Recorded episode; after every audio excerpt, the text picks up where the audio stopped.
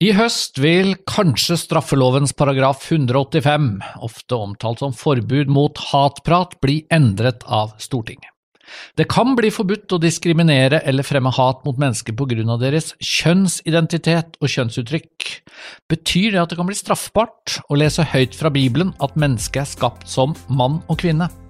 Vi skal dukke ned i temaet sammen med Anine Kierulf, jurist og spesialrådgiver for Norges institusjon for menneskerettigheter. Velkommen til Ottosen og General.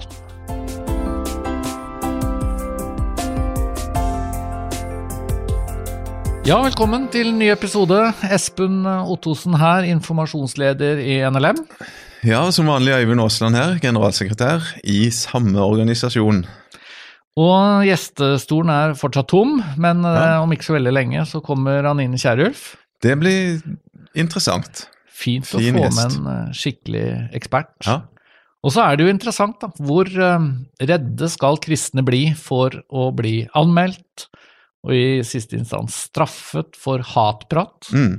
Det, det, er jo et tema som er veldig interessant og aktuelt akkurat nå, med tanke på det som du sa innledningsvis, om loven som kanskje er i endring, og, og hva som vil skje der. Og det er mange kristne som er litt engstelige og redde, ja. og, og, det kan jo være fint å høre om juristen mener er det noen grunn til det, eller overdriver med, eller ja.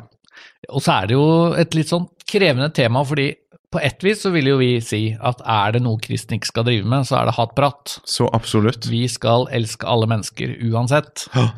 Og samtidig så er det jo noen som mener at det å stå for en ganske vanlig kristen tenkning er hatefullt. Så, så det er et krevende landskap å gå inn i. Det er veldig krevende, og det venter vi med til eh, gjestene er på plass. Og så er det andre ting som vi er opptatt av i mellomtida? Vi har jo denne spalten, eh, som kanskje nesten ikke er en spalte, men er litt sånn løst og fast. Løst og fast. Ting som har skjedd siden sist. Og sist, Øyvind, ja. da hadde vi et krevende tema da også. Kritikken av NLM. Hva mm. kan vi lære? Ja. Og vi har fått eh, masse gode tilbakemeldinger, men det er også noen som har sagt at vi sa for lite om hva vi egentlig kan lære. Ja. Er det en god kritikk? Tja, det kan det jo være. Altså, vi, det var vel ikke sånn at vi hadde ti punkter som vi hadde lært. Og, men vi forklarte jo litt av dilemma her med, med, helt konkrete saker, der jeg kan si at jo da, her lærte jeg mye mens jeg faktisk holdt på å jobbe med de sakene her. Men skal du være konkret, så må du snakke om saker som du egentlig ikke kan snakke om. Offentlig. Det er akkurat det. Det er taushetsplikt og alt som uh, slår inn der, sånn at det er ikke mulig. Vi, vi, var jo inne på noe som vi har lært, nemlig at uh, det er utrolig viktig å lytte på alle mulige måter. og og uttrykke lyttinga si på en sånn måte at, eh, at, eh, den andre parten har forstått at her er det aktiv lytting som skjer. Mm. Det, det, er jo et ikke uvesentlig poeng som, som vi stadig lærer mer av. Og så blir det jo veldig tydelig eh, når dette har vært tema, at, at det å håndtere medier Altså det å svare i aviser, det er ikke så lett, for jeg har jo oppfattet at, uh, at det er noen som sier at uh, vi, og kanskje særlig du, da, har gått for raskt i forsvar. Mm.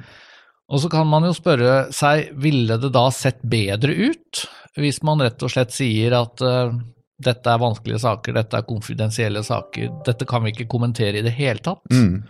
Um, Tenker du det? At, ja, vi skulle, at, vi rett og slett skulle sagt enda mindre til uh, Dagen vårt land? ja, det er, jo, det er en vanskelig avveining, og det skrev jeg jo litt om i Jeg, jeg, jeg har jo skrevet én gang i, i Dagen og vårt land, ellers bare latt meg intervjue. Og da skrev jeg litt om det dilemmaet der, at på, én måte så hadde det kanskje vært best å ikke sagt noen ting, men da vil jo fort beskyldninga være at ja, NLM beviser jo med det her at det er en fullstendig lukka organisasjon som ikke engang vil kommentere kritikken ja. Eh, i det hele tatt offentlig. Så, så det, det, har vært noen dilemmaer her, og, og, det vil det sikkert dukke opp uh, flere av.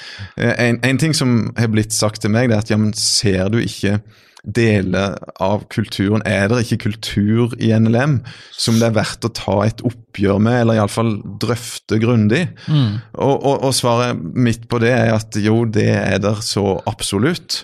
Og, og, og, det mener jeg at jeg har brukt ganske mye tid på å gjøre. Og, snakke om deler av kulturen vår som ikke nødvendigvis er sunn og god, og fremme en eh, god samtale og, og, meningsutveksling og det å være uenig og, og sånn. Så, så, så, da har du på en måte vært opptatt av, eller vi har jo vært opptatt av at dette må, dette må vi snakke om, dette må vi ta på alvor.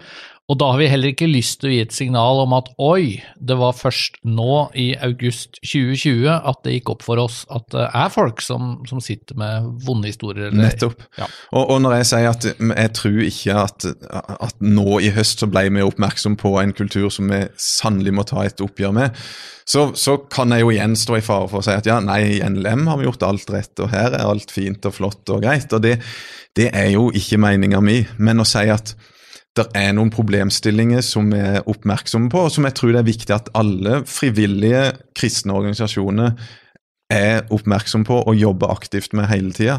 Vi kan aldri bli 100% fornøyd, men vi vil gjerne prøve, og vi, vi jobber med det hele tida. Mm. Ja. Du, vi må videre til jeg holdt på å si enda ferskere ting, for jeg vet jo det at du rett og slett har eh, tapt i squash i dag. Gikk på en smell i dag, altså. Jeg gjorde det.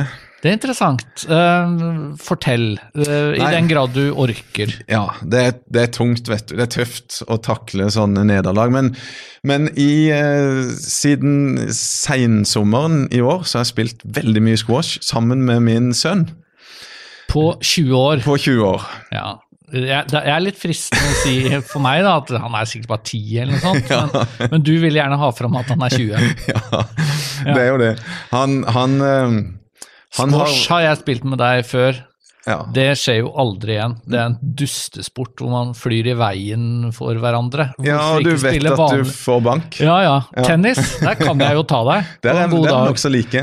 Squash, dustesport, altså. Ja. Bare så er det sagt. Men han har blitt bedre og bedre, da. Og Du burde satt en stopper for disse kampene ganske Før eller seinere så måtte det jo skje at han faktisk slo meg, og det, det skjedde i dag. Du gjorde det, og det var, det var blytungt. En ønsker jo alt godt for sine barn, og at de skal gjør det vel. Men akkurat squash er en arena der jeg gjerne vil være nummer én. Jeg syns ikke synd på deg i det hele tatt. Jeg hadde jo en sønn som begynte å løpe ganske tidlig, og jeg klarte ikke å følge med han når, jeg, når han var 14. Nei. Det, da, det kom for tidlig, altså. Ja, det er litt tidlig. Um, men, men, da kan vi jo snakke litt om andre vonde ting òg. Vi, vi, må innom fotball i dag. Ja. Det er masse som skjer hele tiden, og United har jeg fått med meg hadde en aldri så liten smell mot Tottenham. Fortjente det, de å tape 6-1? Jeg vil gjerne ha din analyse på det. 6-1-tap på hjemmebane. Min helt objektive, upartiske analyse av det er jo at det var et høyst ufortjent uh, tap. De burde ha vunnet. De, de ble vel nærmest fradømt seieren, tror jeg du kan si. Akkurat. Altså, greia er jo at 6-1 og fradømt seieren. Etter ett minutt så skåra jo Manchester United eh, 1-0. Det så bra ut. Og så kan du jo si det rakna ganske kraftig etter hvert, og sluttresultatet ble 6-1. Men, eh, men, eh, de som fulgte med kampen, vil jo huske at eh, Martial fikk jo en høyst ufortjent utvisning. Eller det vil si, han var jo egentlig fortjent, men det var en Chelsea-spiller som overspilte noe helt enormt når han fikk et Chelsea-spiller? Lite, lite dask på Nei, ja, Tottenham, mener jeg. Ja, ja.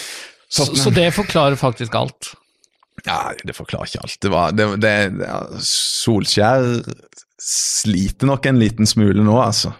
Men nå føler jeg i hvert fall at vi bare har fått avklart det, at når det kommer til fotball, så er generalsekretæren vår ikke en sånn objektiv analytiker Nei. som lener seg tilbake og ser kampen med så nøytrale briller som mulig. Altfor mye engasjement. Ja. Og det, det, er du som er sånn medgangssupporter og kan takle liksom litt sånn ups and downs. Ja, så jeg eh, kan, ganske... se, jeg kan se en kamp og skifte lag på, altså skifte hvilket lag jeg heier på under ja. kampen, for det i hvert fall når United-Tottenham altså Kona mi heier litt på Tottenham. Ja. Jeg tror ikke det stikker så veldig dypt, men hun har liksom gjort det siden hun var ti år. så og så syns jeg det er litt gøy med Solskjær, så der tror jeg jeg hadde vekslet litt i løpet av kampen, ja, hvem jeg heier på.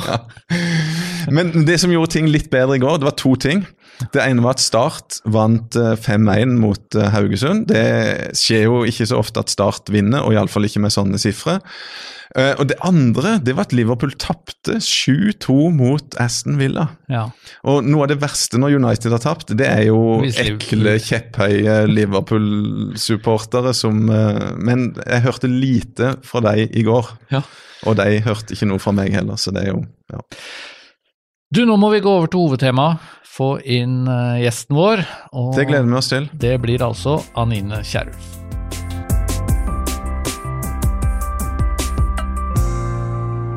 Velkommen hit, Anine Kierulf. Tusen takk. Du er jo en kjent stemme når temaet er ytringsfrihet og menneskerettigheter og sånn, men, men litt sånn presentasjon må vi ha. Hva slags jobb har du egentlig, for du har i hvert fall to? Jeg har to jobber nå. Jeg er eh, førsteamanuensis ved Institutt for offentlig rett på Universitetet i Oslo. Det Altså, betyr at du underviser jusstudenter. Ja, så det er egentlig lærer på jussen. Ja. Og så har jeg en eh, rolle som spesialrådgiver i det som heter Norges institusjon for menneskerettigheter. Det er et uh, uavhengig dyr som ligger under uh, Stortinget administrativt, og som skal rådgi alle statens organer, men også alle andre, om menneskerettslige spørsmål. Så det er mange jurister der òg, så det er jo stort sett på det normative vi jobber der også, men litt mer operativt eh, eh, hos NIM, som det forkortes, enn den jobben på universitetet er. Så da får jeg litt av det beste fra begge verdener. Det er kjempefint å ha deg med, for vi, i dag skal vi snakke om ting som Espen og meg ikke nødvendigvis har så Ja, vi er jo interessert og har litt peiling, men vi trenger også å få skjerpa litt. Grann. Vi er jo ikke jurister. Det er vi ikke. det Nei, men vi er alle dogmatikere. Ja, ok. Nettopp. Ja. Jeg hadde en drøm om å bli eh, jurist, visste du det, Espen, i, i Nei, ungdommen. Jeg det- las mye sånn Johs Andenes og sånne ting, og var skikkelig gira på Det var sånn i begynnelsen av videregående. Jo Sandnes skrev jo også juss på en sånn måte som gjorde at det var veldig forståelig. Ja, det var det. Altså en sånn utrolig evne til å formidle veldig komplekse ting på en god og lettfattelig Mm. måte. Ja. Men vi er jo da, og du er jo kommet til en podkast i en misjonsorganisasjon Med to teologer med to teologer. som verter. Ja. Eh, Vi må nesten spørre, hva, hva vet du om misjonsorganisasjonen NLM og kristne miljøer, og hva er ditt forhold til det? Eh, nei, jeg har vel ikke noe sånn veldig inngående kunnskap, annet enn at eh, jeg møter dere av og til i både profesjonell sammenheng og for øvrig. Ja. Eh, jeg har jo et forhold til kirken, både døpt og konfirmert og giftet meg der. Ellers så møtes vi vel ofte i sånne sammenhenger som enten handler om religionsfrihet eller ytringsfrihet på en eller annen måte. Ja, for du, altså ytringsfrihet og religionsfrihet henger jo nært sammen, så sånn sett så jobber du jo med disse problemstillingene om uh, hva, hva betyr det at uh, jeg håper å si kristne eller andre da har en, et vern i eh, Ja. Grunnloven. Det, det henger jo tett sammen, eh, disse to rettighetene, og i noen grad er de jo overlappende. Altså forkynnelsesfrihet er jo en form for ytringsfrihet. Mm. Eh, Men det kan også være situasjoner hvor eh, de to rettighetene står i motstrid med hverandre. Hvis man eh, forkynner noe som eh, strider mot eh, en eller annen bestemmelse i straffeloven, f.eks. Og det er jo antageligvis litt det vi skal inn på Ja, det er litt vi skal nå. Ja. Skal, vi, skal vi rett og slett starte da veldig konkret med paragraf 185. Ja. En paragraf som jeg har her på skjerm, for jeg husker den ikke utenat, men det er altså, eh, og nå har jeg den altså, at det å grovt uaktsomt, men det står vel nedenfor også at man kan, eh, kan gjøre det u... eh, Ja, det er i utgangspunktet forsettlig, altså Ja. det å gjøre noe med vilje, eller grovt uaktsomt, altså det å være veldig uaktsom. ja, De to skyldgradene rammes av bestemmelsen. Ja. Og offentlig sette frem en diskriminerende eller hatefull ytring. Ja. ja. Og eh, en av eh, Ja, så nevnes det jo da fire punkter. Altså det kan gjelde altså fremme hat, forfølgelse eller ringeakt overfor noen på grunn av deres hudfarge eller nasjonal eller etnisk opprinnelse, religion eller livssyn, homofil orientering eller nedsatt funksjonsevne. Ja. Og det vi da først kan si, er jo at eh, denne paragrafen beskytter jo oss da, som eh, kristne. Det gjør den. Den beskytter eh, alle som på en eller annen måte kan være i en minoritetsposisjon i forhold til en majoritet. Ja. Denne bestemmelsen er der er, Den kom inn i straffeloven i, i 1970, Og den er et resultat av at Norge undertegnet det som heter rasediskrimineringskonvensjonen, som jo egentlig som var egentlig rettet inn mot rase primært, da, men, men også religion og etnisitet. Og grunnen til at den rasediskrimineringskonvensjonen kom, det var at man allerede bare få tiår etter andre verdenskrig så en oppblomstring av nynazistiske miljøer. Mm. Eh, og med den erfaringen man hadde fra opptakten til andre verdenskrig, hvordan nettopp denne formen for grov dehumaniserende ytringer kunne bidra til en stemning, eller forsterke en stemning i storsamfunnet mot en minoritetsgruppe, eh, i det tilfellet jødene. Eh, Den erfaringen gjorde at dette ønsket man å gjøre noe for å demme opp for, så man påla statene å kriminalisere den form for ytringer. Mm. Det som er viktig å ta med seg fra bestemmelsen, du leste det opp i sted, det er at man skal offentlig ha fremsatt en sånn type ytring. Ja. Man kan jo egentlig tenke seg at sånne ytringer som er fæle og uh, hatefulle, kan være vel så eh, ugreit å bli utsatt for på tomannshånd. Ja. Uh, det offentlighetskriteriet i den bestemmelsen, det signaliserer at det er ikke egentlig den krenkelsesfølelsen den enkelte føler seg utsatt for, men den muligheten som kan oppstå for at en hatefull ytringer skaper hat blant andre i storsamfunnet mot minoriteten. Det er ringvirkningene på en måte som er viktig. Og det er jo en, en litt sånn kronglete øvelse på en måte, for man vet jo aldri helt hva som er konsekvensen av en ytring. Hvordan virker den i verden? Når dere forkynner, bidrar det til at folk blir omvendt, eller gjør det at folk liksom rister på hodet og går en annen vei? Ja. Mm. Mm. Eh, dette vet man jo ikke, men man antar at hvis man kommer over en terskel for tilstrekkelig grovt hatefulle ytringer, så kan det ha den effekten, og det ønsker man å demme opp for. Så det må brukes ganske mye skjønn, da. Anvendelse av den paragrafen her Ja. krever jo bruk av mye skjønn. Det er en vanskelig paragraf, og det, har jo, det er jo en grunn til at den har vært lite håndhevet. Fordi Ja. den må tolkes i lys av ytringsfriheten, og det er heller ikke sånn hvis man bare leser paragrafen sånn som den står i loven, så gir den et litt misvisende uttrykk for at det er veldig mange ytringer som kan rammes. Mm. Sånn er den ikke praktisert, og sånn er den ikke ment å bli praktisert heller. Både lovgiverne våre i forarbeidene og domstolene, når det har kommet opp saker, har understreket at det bare er de kvalifisert hatefulle ytringene som rammes. Så terskelen er ganske høy da, for Ja. å rammes. Du, Når det blir nå snakk om å inkludere kjønnsidentitet og kjønnsuttrykk i denne paragrafen, det er jo det, noe av det som har blitt diskutert mye eh, i det siste. Og det er, jo, det er jo noen av kristne forkynnere og sånn som setter det litt på spissen og sier at ja, nå, da, vi, vi kan kanskje ikke lese bibeltekster offentlig lenger. For der står det jo om, om kjønn, at Gud skapte mann og kvinne osv. Så videre, sånn. Hva tenker du om det? Ja, er det grunn til å Jeg tror dere kan senke skuldrene der, altså. Det er andre ting å være reddere for. Eh, denne bestemmelsen, altså det, det du tar opp her nå, det er jo en bekymring som ble luftet også da denne bestemmelsen ble utvidet, for den fikk et tillegg i 1981. Da tok man inn homofili som et av de vernede minoritetsgrunnlagene. Så det har faktisk vært i 40 år, da. Ja. Ja. Det har vært der i 40 år, og det, i forkant av det var det enda mye mer diskusjon enn det har vært nå Mm. om den utvidelsen. Nettopp fra eh, kristne forkynnelsesmiljøer, eh, med frykt for at dette kunne ramme forkynnelse. mm. Og det er jo ikke så rart ut fra måten bestemmelsen er formulert på. Men, for jeg har lyst til å si det, når jeg leser den og det står at eh, diskriminerende eller hatefull ytring, det betyr å fremme ringeakt.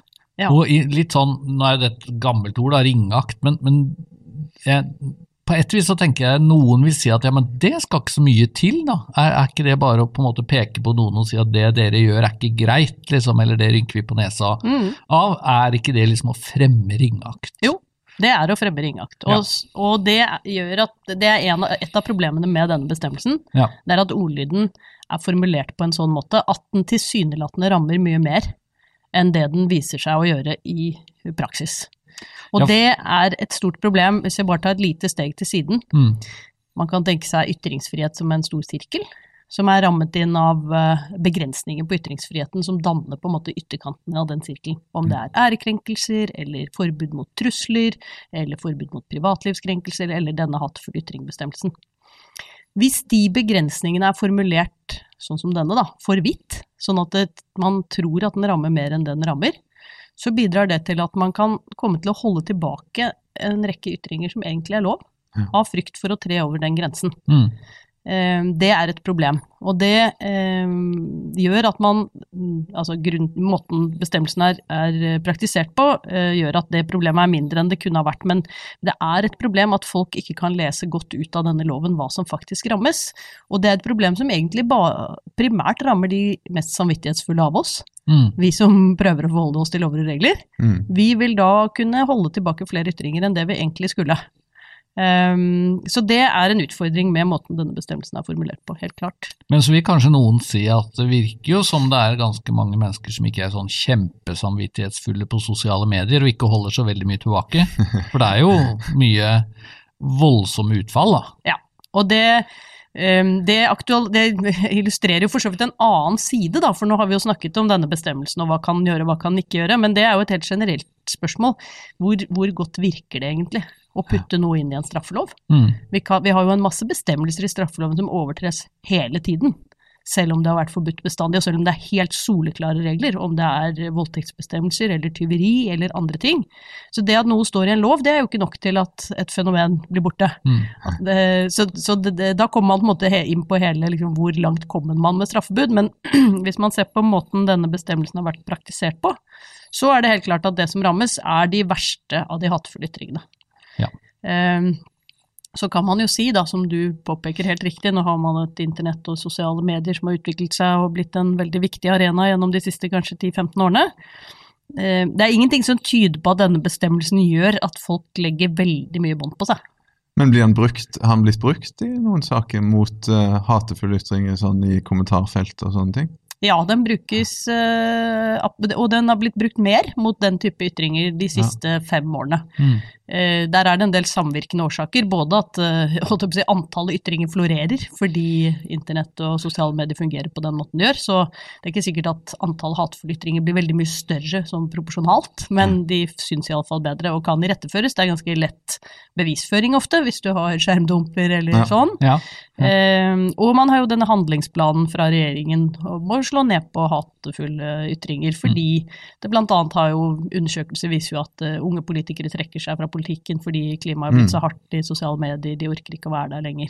Ja. Så det holdt på å mye, mye viktig utvikling på den måten der, men, men uh, hvis vi skal se på hvordan den er brukt, så er det som rammes av den, det er jo dehumaniserende hytte. altså det å sammenligne grupper med skadedyr, eksempel, eller totalt Muslimer er som kakerlakker er vel en rettssak, Ja. eller en sak som ble til en rettssak. Ja, var- I fotballen i går, vi snakker om litt fotball her, så var det jo en, en eh, Kristiansund-spiller som ble utsatt for, eh, for rasistiske kommentarer fra tribunen nok en gang. Ja, og det kan rammes litt avhengig av Altså, alle ytringer må jo tolkes eh, for å fastlegge hvilket meningsinnhold de har. Eh, og det Høyesterett har vært veldig klar på, det kom to saker eh, fra Høyesterett om Det var da ytringer på Facebook, en av de du nevnte her nå. Det å sammenligne en muslimsk eh, ung eh, debattant med, med kakerlakker, og også uh, kalle henne fanden svarte avkom, og be henne reise tilbake til dit hun kom fra. Altså til sammen en Mm. ytring i en kontekst som tilsa at man på en måte undergravde det, hennes menneskeverd, eller den gruppens menneskeverd, gjennom å omtale henne på den måten. Det Høyesterett har vært veldig tydelig på, det er at det å kritisere enkeltrepresentanter som har en religiøs tilknytning på den måten, og dehumanisere dem, eller komme med så grovt hatefulle ytringer, det er ulovlig. Det som derimot er lov, det er jo noe som tidligere var forbudt, nemlig blasfemiske ytringer. Altså Ja. det å komme med skarp kritikk eller vanhelligelse av en religion eller en religiøs tekst eller en bok eller Mm. andre ting som religiøse holder hellig. Apropos karikaturtegninger og det som var snakk om det. Nettopp. Nei, for Noe av dilemmaet som, som jeg tror vi kjenner på, er jo at vi har jo virkelig ikke lyst til å slå et slag for at kristne skal kunne snakke om homofili, eller for den saks skyld transpersoner, som jo nå er det nye temaet, på en sånn måte eh, at man plasserer seg i samme bås som de som rett og slett ikke legger det minste bånd på seg i kommentarfelt. Nei, overhodet ikke. Vi, vi, vi, vi mener jo og håper jo at det går an å snakke respektfullt og skikkelig om folk, selv om, om en har noen vurderinger av livsstil og kjønn og de tinga der, da. Og sånn sett så kan man jo da også tenke at uh, i Norge har det vel nesten aldri vært eh, saker i rettsapparatet hvor kristne er blitt anklaget for hatprat mot uh, homofile tror, siden 1981. Nei, jeg tror den eneste høyesterettssaken iallfall om dette, jeg tror ikke det er noen, noe særlig underrettssaker heller, det er jo den saken mot pastor Bratterud fra 1984. Mm. Hvor de ytringene han kommer med, de er jo ikke bare De sier jo ikke bare noe om hva Bibelen sier om homofili, eller hans utlegning av det. Uh, han tar jo da til orde for at uh, alle homofile må fjernes fra ledende stillinger. Mm. Eh, eh ja, det er for så vidt flere utsagn der som til sammen bygger opp under en type fordommer og fordomsfullhet mot homofile som, som, går langt utover det som vil være en tekstutlegning eller en, en mer eh, religiøs diskusjon av hvor, eh, hvordan homofili Eh, omtales eller eh, ses på i en eller annen religiøs sammenheng. Og Det tenker jeg er viktig å ha med seg her også. da. Det er, det er grovt hatefulle ytringer han dømmes for i sin tid. Det har ikke vært noen andre saker heller, så jeg tror på en måte man kan senke skuldrene rimelig her også. Det vil være, for å være konkret, da, det, eh, det å mene at det finnes bare to kjønn, eller at kjønn er noe man knytter til biologi, det vil det selvfølgelig være fullt lov å mene. Mm. Så spørsmålet er jo i hvilken grad man Eh, bruker det synet eller det grunnlaget til å virkelig stigmatisere eller eh, grovt krenke eh, de som måtte være transpersoner eller på andre måter ha andre kjønnsuttrykk. Samtidig så er jo jeg litt sånn altså Det er jo interessant å snakke om hvor er vi på vei. Og akkurat nå er det jo en finsk politiker og ja. lege som jeg faktisk har møtt en gang, som heter Paivi Resen. Som nå er blitt avhørt av politiet i Finland tre ganger fordi hun har uttalt seg om homofili på en måte som gjør at uh, i hvert fall finsk politi da, vil sjekke om dette er mm. hatefullt. Og Jeg snakket her om dagen med en kollega i Finland som er litt bedre på finsk enn jeg er, for å bare spørre altså hvordan er det hun egentlig har snakket om dette. Er det Bratterud-style? Ja, ja. ja, er det liksom, og, og han sier nei, hun, hun, har vært vel så langt han bedømmer, og han har jeg stor tillit til, veldig saklig og respektfullt. Så det gjør at jeg tenker er, kan det bli slik at jo mer, hva skal vi si, et kristent syn i disse spørsmålene blir sett på som særere og særere, jo mindre skal til da, for, før noen tenker at ja, men da sender vi inn en anmeldelse. Eller kan det være for så vidt at uh, det er enda strengere i Finland? Det mm. vet jo ikke jeg noe om, men, men det bekymrer meg selvfølgelig. Det er jo en, en litt sånn Eh, annen sak som kanskje illustrerer det litt, med, med, en foreleser på universitetet, professor, som forteller en upassende vits. Mener en tre-fire studenter, og så er det full brudulje og erstatningssak og forskjellig sånn. Er det, er det noe i samme farvann, eller hva, hva tenker du om det? Tåler vi mindre, på en måte? Eller tåles det mindre?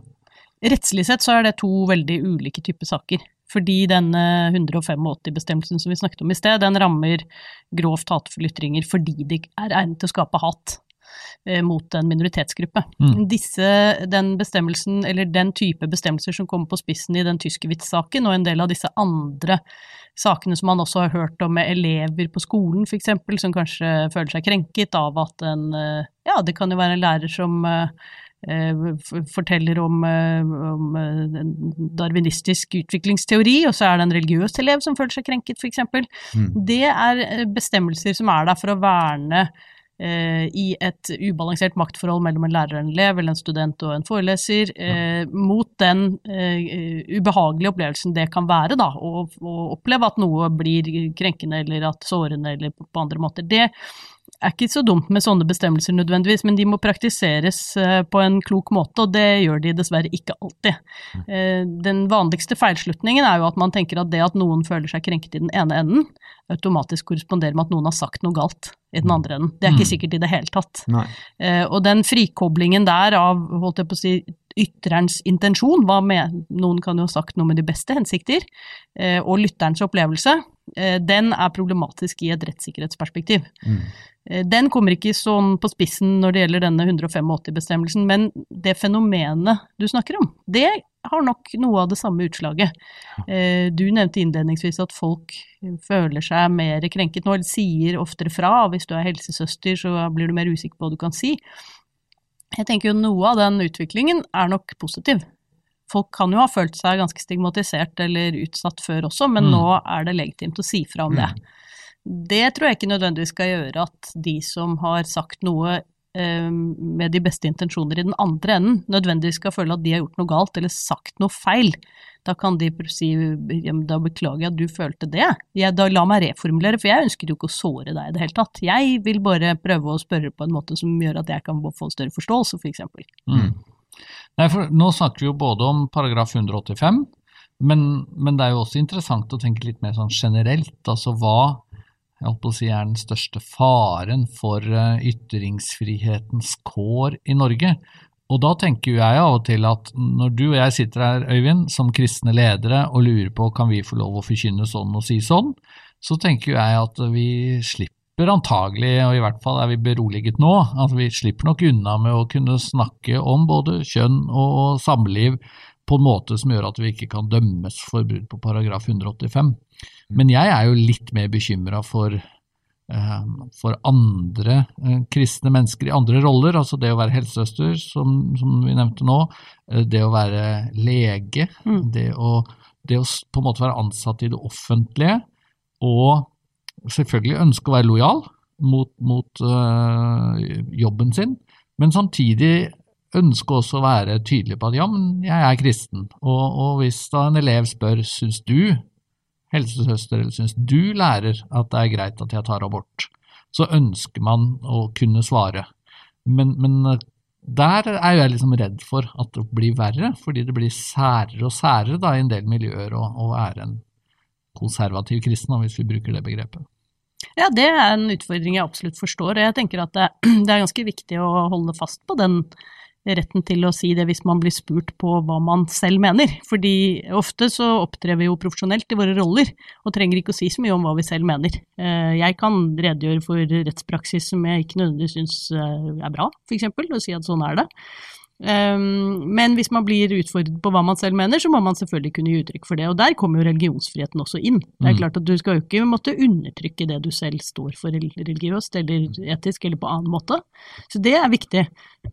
En del av dette tror jeg jo handler om kommunikasjon. Altså hvordan formidler man det man uh, føler sterkt om. Mm. Og det kan jo folk gjøre på bedre eller dårligere måter, tror jeg. Uh, men det er klart at hvis man hvis denne, denne, typen bestemmelser og denne type diskusjoner som kommer opp her, kan jo skape en frykt for at uh, man må holde tilbake mer enn det man vil, eller det kan skape et inntrykk av at uh, mer er ulovlig enn det det er, slik at, som du sa, plutselig får man anmeldelser, ikke sant, for et eller annet man har sagt i de beste hensikter.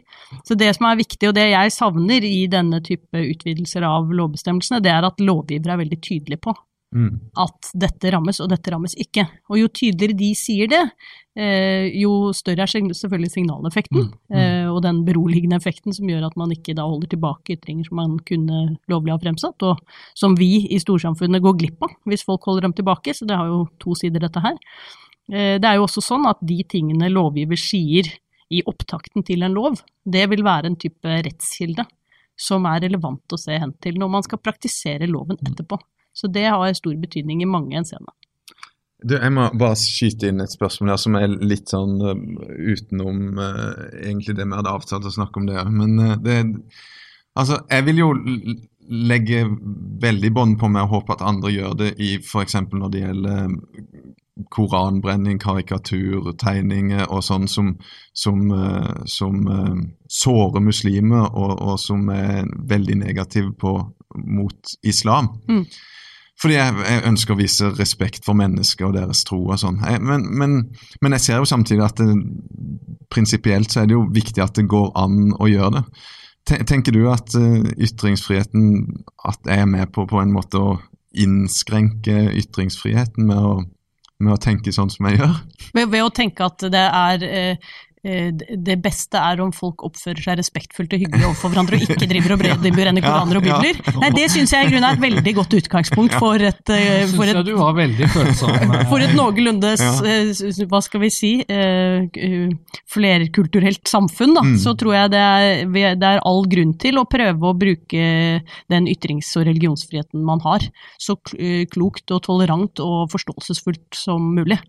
Eh, grunnen til at eh, også de liksom grovt kritiske eller sjokkerende eller blasfemiske eller veldig krenkende ytringer også er vernet, det er jo at de av og til kan være nødvendige. Mm. Men det er jo ikke sånn at uh, Trenger ikke teste det annenhver dag. på ja, hvis man sånn bare måte brenner eh, hellige bøker, og det er den eneste måten man kommuniserer på, så blir det egentlig veldig mange nyanser som blir borte. ja. Men dette illustrerer jo også et dilemma i kommunikasjonen, fordi at eh, når karikaturtegningene ble trykket av avismagasinet, så var jo du og jeg ganske tydelige i offentligheten på at vi ikke støttet at de ble trykket. Ja. For vi tenkte at det det. dette her eh, er ingen god måte å kommunisere med muslimer på, hvis vi Mm. kan si det sånn.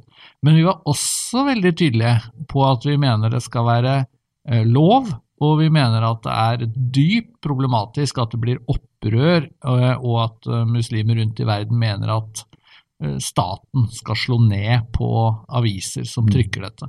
Og det å kommunisere begge deler, det er ganske vanskelig.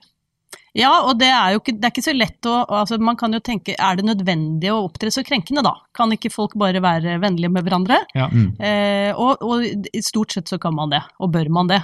Men det kan være tilfeller hvor det ikke er tilstrekkelig, ikke sant? og hvor det som er en helt nødvendig ytring, det viser seg i ettertid at det var helt nødvendig å si at det var eh, jorden som gikk rundt solen og ikke omvendt, f.eks. Det er ikke sikkert at eh, vi hadde fått den utviklingen i kirken vi hadde fått hvis, eh, hvis Luther opptrådte litt mindre provoserende. Han? Trengte jo Mm. ikke å spikre opp de der tesene. Det Det er mange ting man kan liksom i samtid kritisere men som viser seg kanskje å være nødvendig. Da, og nettopp, det er jo En av grunnene til at ytringsfriheten er så vid som den er, det er jo at det er vanskelig å forutse hvilken virkning ytringer har i verden på litt sikt. Mm. Og kanskje var det sånn at uh, der og da så ble det oppfattet som helt unødvendig å trykke så krenkende karikaturer.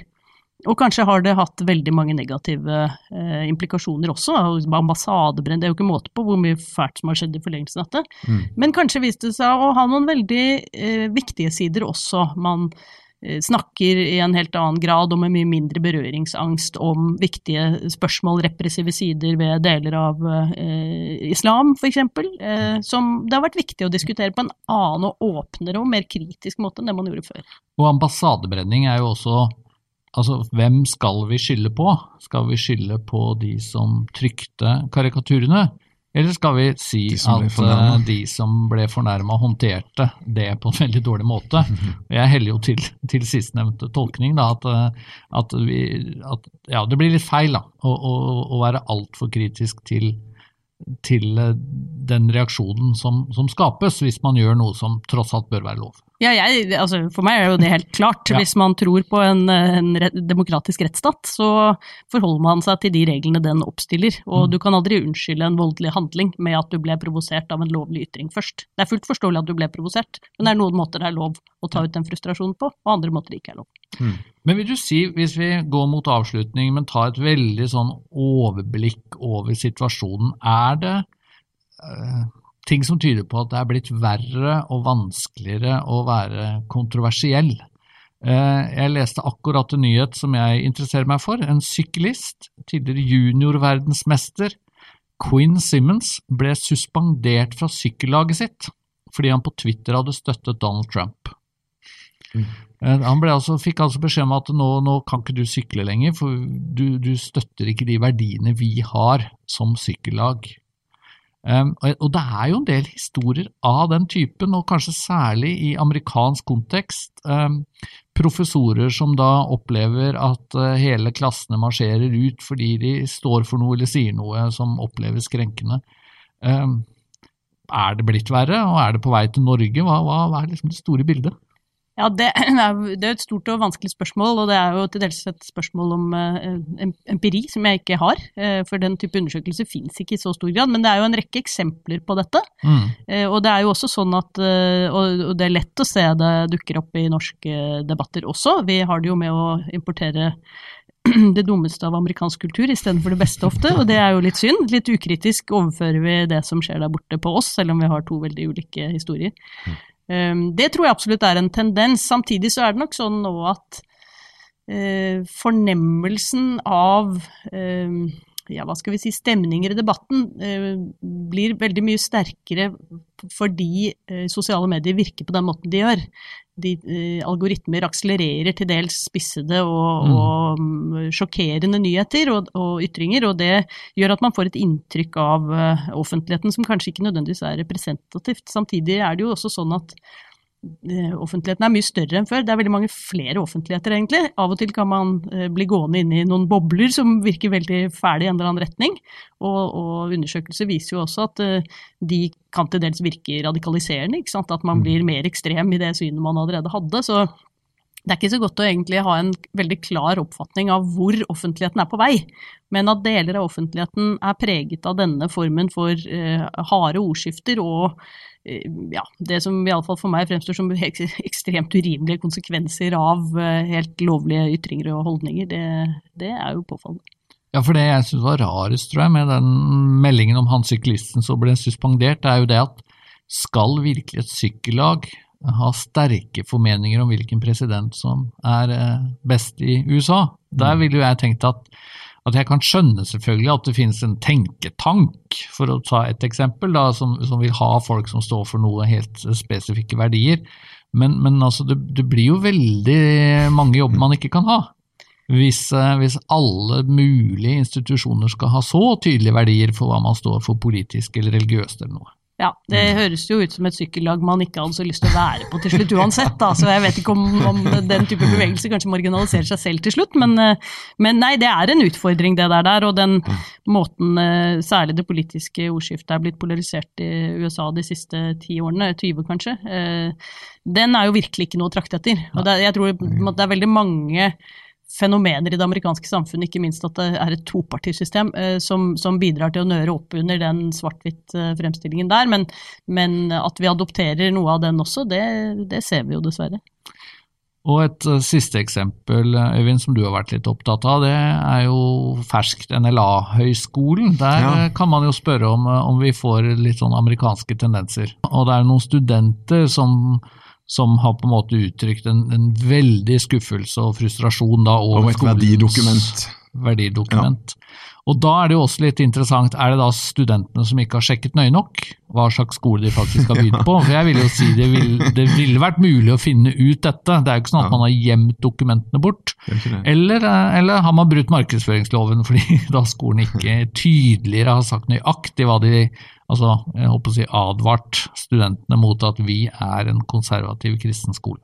Nei, dette, jeg tar jo ikke dette eksempelet på sparket, for jeg har ikke sett det, og jeg, skjønner, jeg vet ikke helt på en måte hva påstanden er. Men, men eh, hvis vi bare Det er jo to egentlig ulike, men sammenhengende fenomener vi snakker om her. Det ene er jo hva skal rammes av straffeloven, kanskje blir den utvidet nå eh, på dette grunnlaget. Det andre er jo hvordan utvikler eh, samfunnet seg offentlighetsmessig generelt, altså hva er mm. tendensen der. Og den, det tror jeg nok vil variere i ulike epoker, og også på en måte som gjør at eh, noen ganger er det veldig ubehagelig å være konservativ, og andre ganger er det veldig ubehagelig å være mer progressiv. Mm. Eh, I ulike sammenhenger hvor, hvor, man nå ferdes. Men dette er jo en av grunnene til at ytringsfriheten er så sterkt vernet rettslig sett som den er. Det er jo nettopp erkjennelsen av at det sosiale stigmaet, den sosiale fordømmelsen av kontroversielle ytringer, om de nå er for konservative eller for progressive, eh, den, det er en, et fenomen vi vet at eksisterer. Det skjer. Eh, mm. Og fordi den sosiale fordømmelsen kan være så sterk, så er det veldig viktig at loven på en måte stiller seg bak det. Og hvis man skal være enda litt mer beroligende, da, det er jo vanskelig å spå om fremtiden selvfølgelig, men eh, når det gjelder utviklingen rettslig sett på dette området, så er det jo å trøste seg med at uh, jurister er jo også ganske konservative, så skal noe til at de hopper rett på denne bølgen hvor det er umulig å snakke om kjønn på flere måter enn det som er moderne nå. Ja, det, det var interessant. Det, det, det, her var en veldig fin oppsummering. Det var en lærerik og god samtale. Og jeg merka meg iallfall minst ett fellestrekk mellom jussen og teologien. Og det verken juristen eller teologen har tro på at loven eh, vil fjerne synden eller lovbruddene. Så det er jo en måte å Veldig god teologisk oppsummering. på en måte. Altså, jeg tenker jo at våre fag egentlig har ganske mye felles. Det er litt ulikt eh, utspring. Hva, hva er det som gir opphavet til lovene? Er det folk ja. eller er det Gud? Men, eh, men, for øvrig så er det jo dogmatikk og tolkning, da. Mm. Det det. Ja, men det var en fin måte å oppsummere på. Da takker vi lytterne, seerne, Stor takk til deg, Anine Kierulf, for at du Tusen ville være med for oss. at du ble med. Hyggelig å være her. Vi er tilbake om noen uker, og i mellomtiden så kan du altså følge Ottosen og Generalen på Facebook. Du kan, eh, hvis du ser oss, eh, besøke oss på nlm.no, se på videopodden. Send en, en meldinger på Facebook, går også an hvis det er et eller annet du vil spørre om eller kommentere. Så vi takker for i dag, og ses og høres snart igjen. Det gjør vi.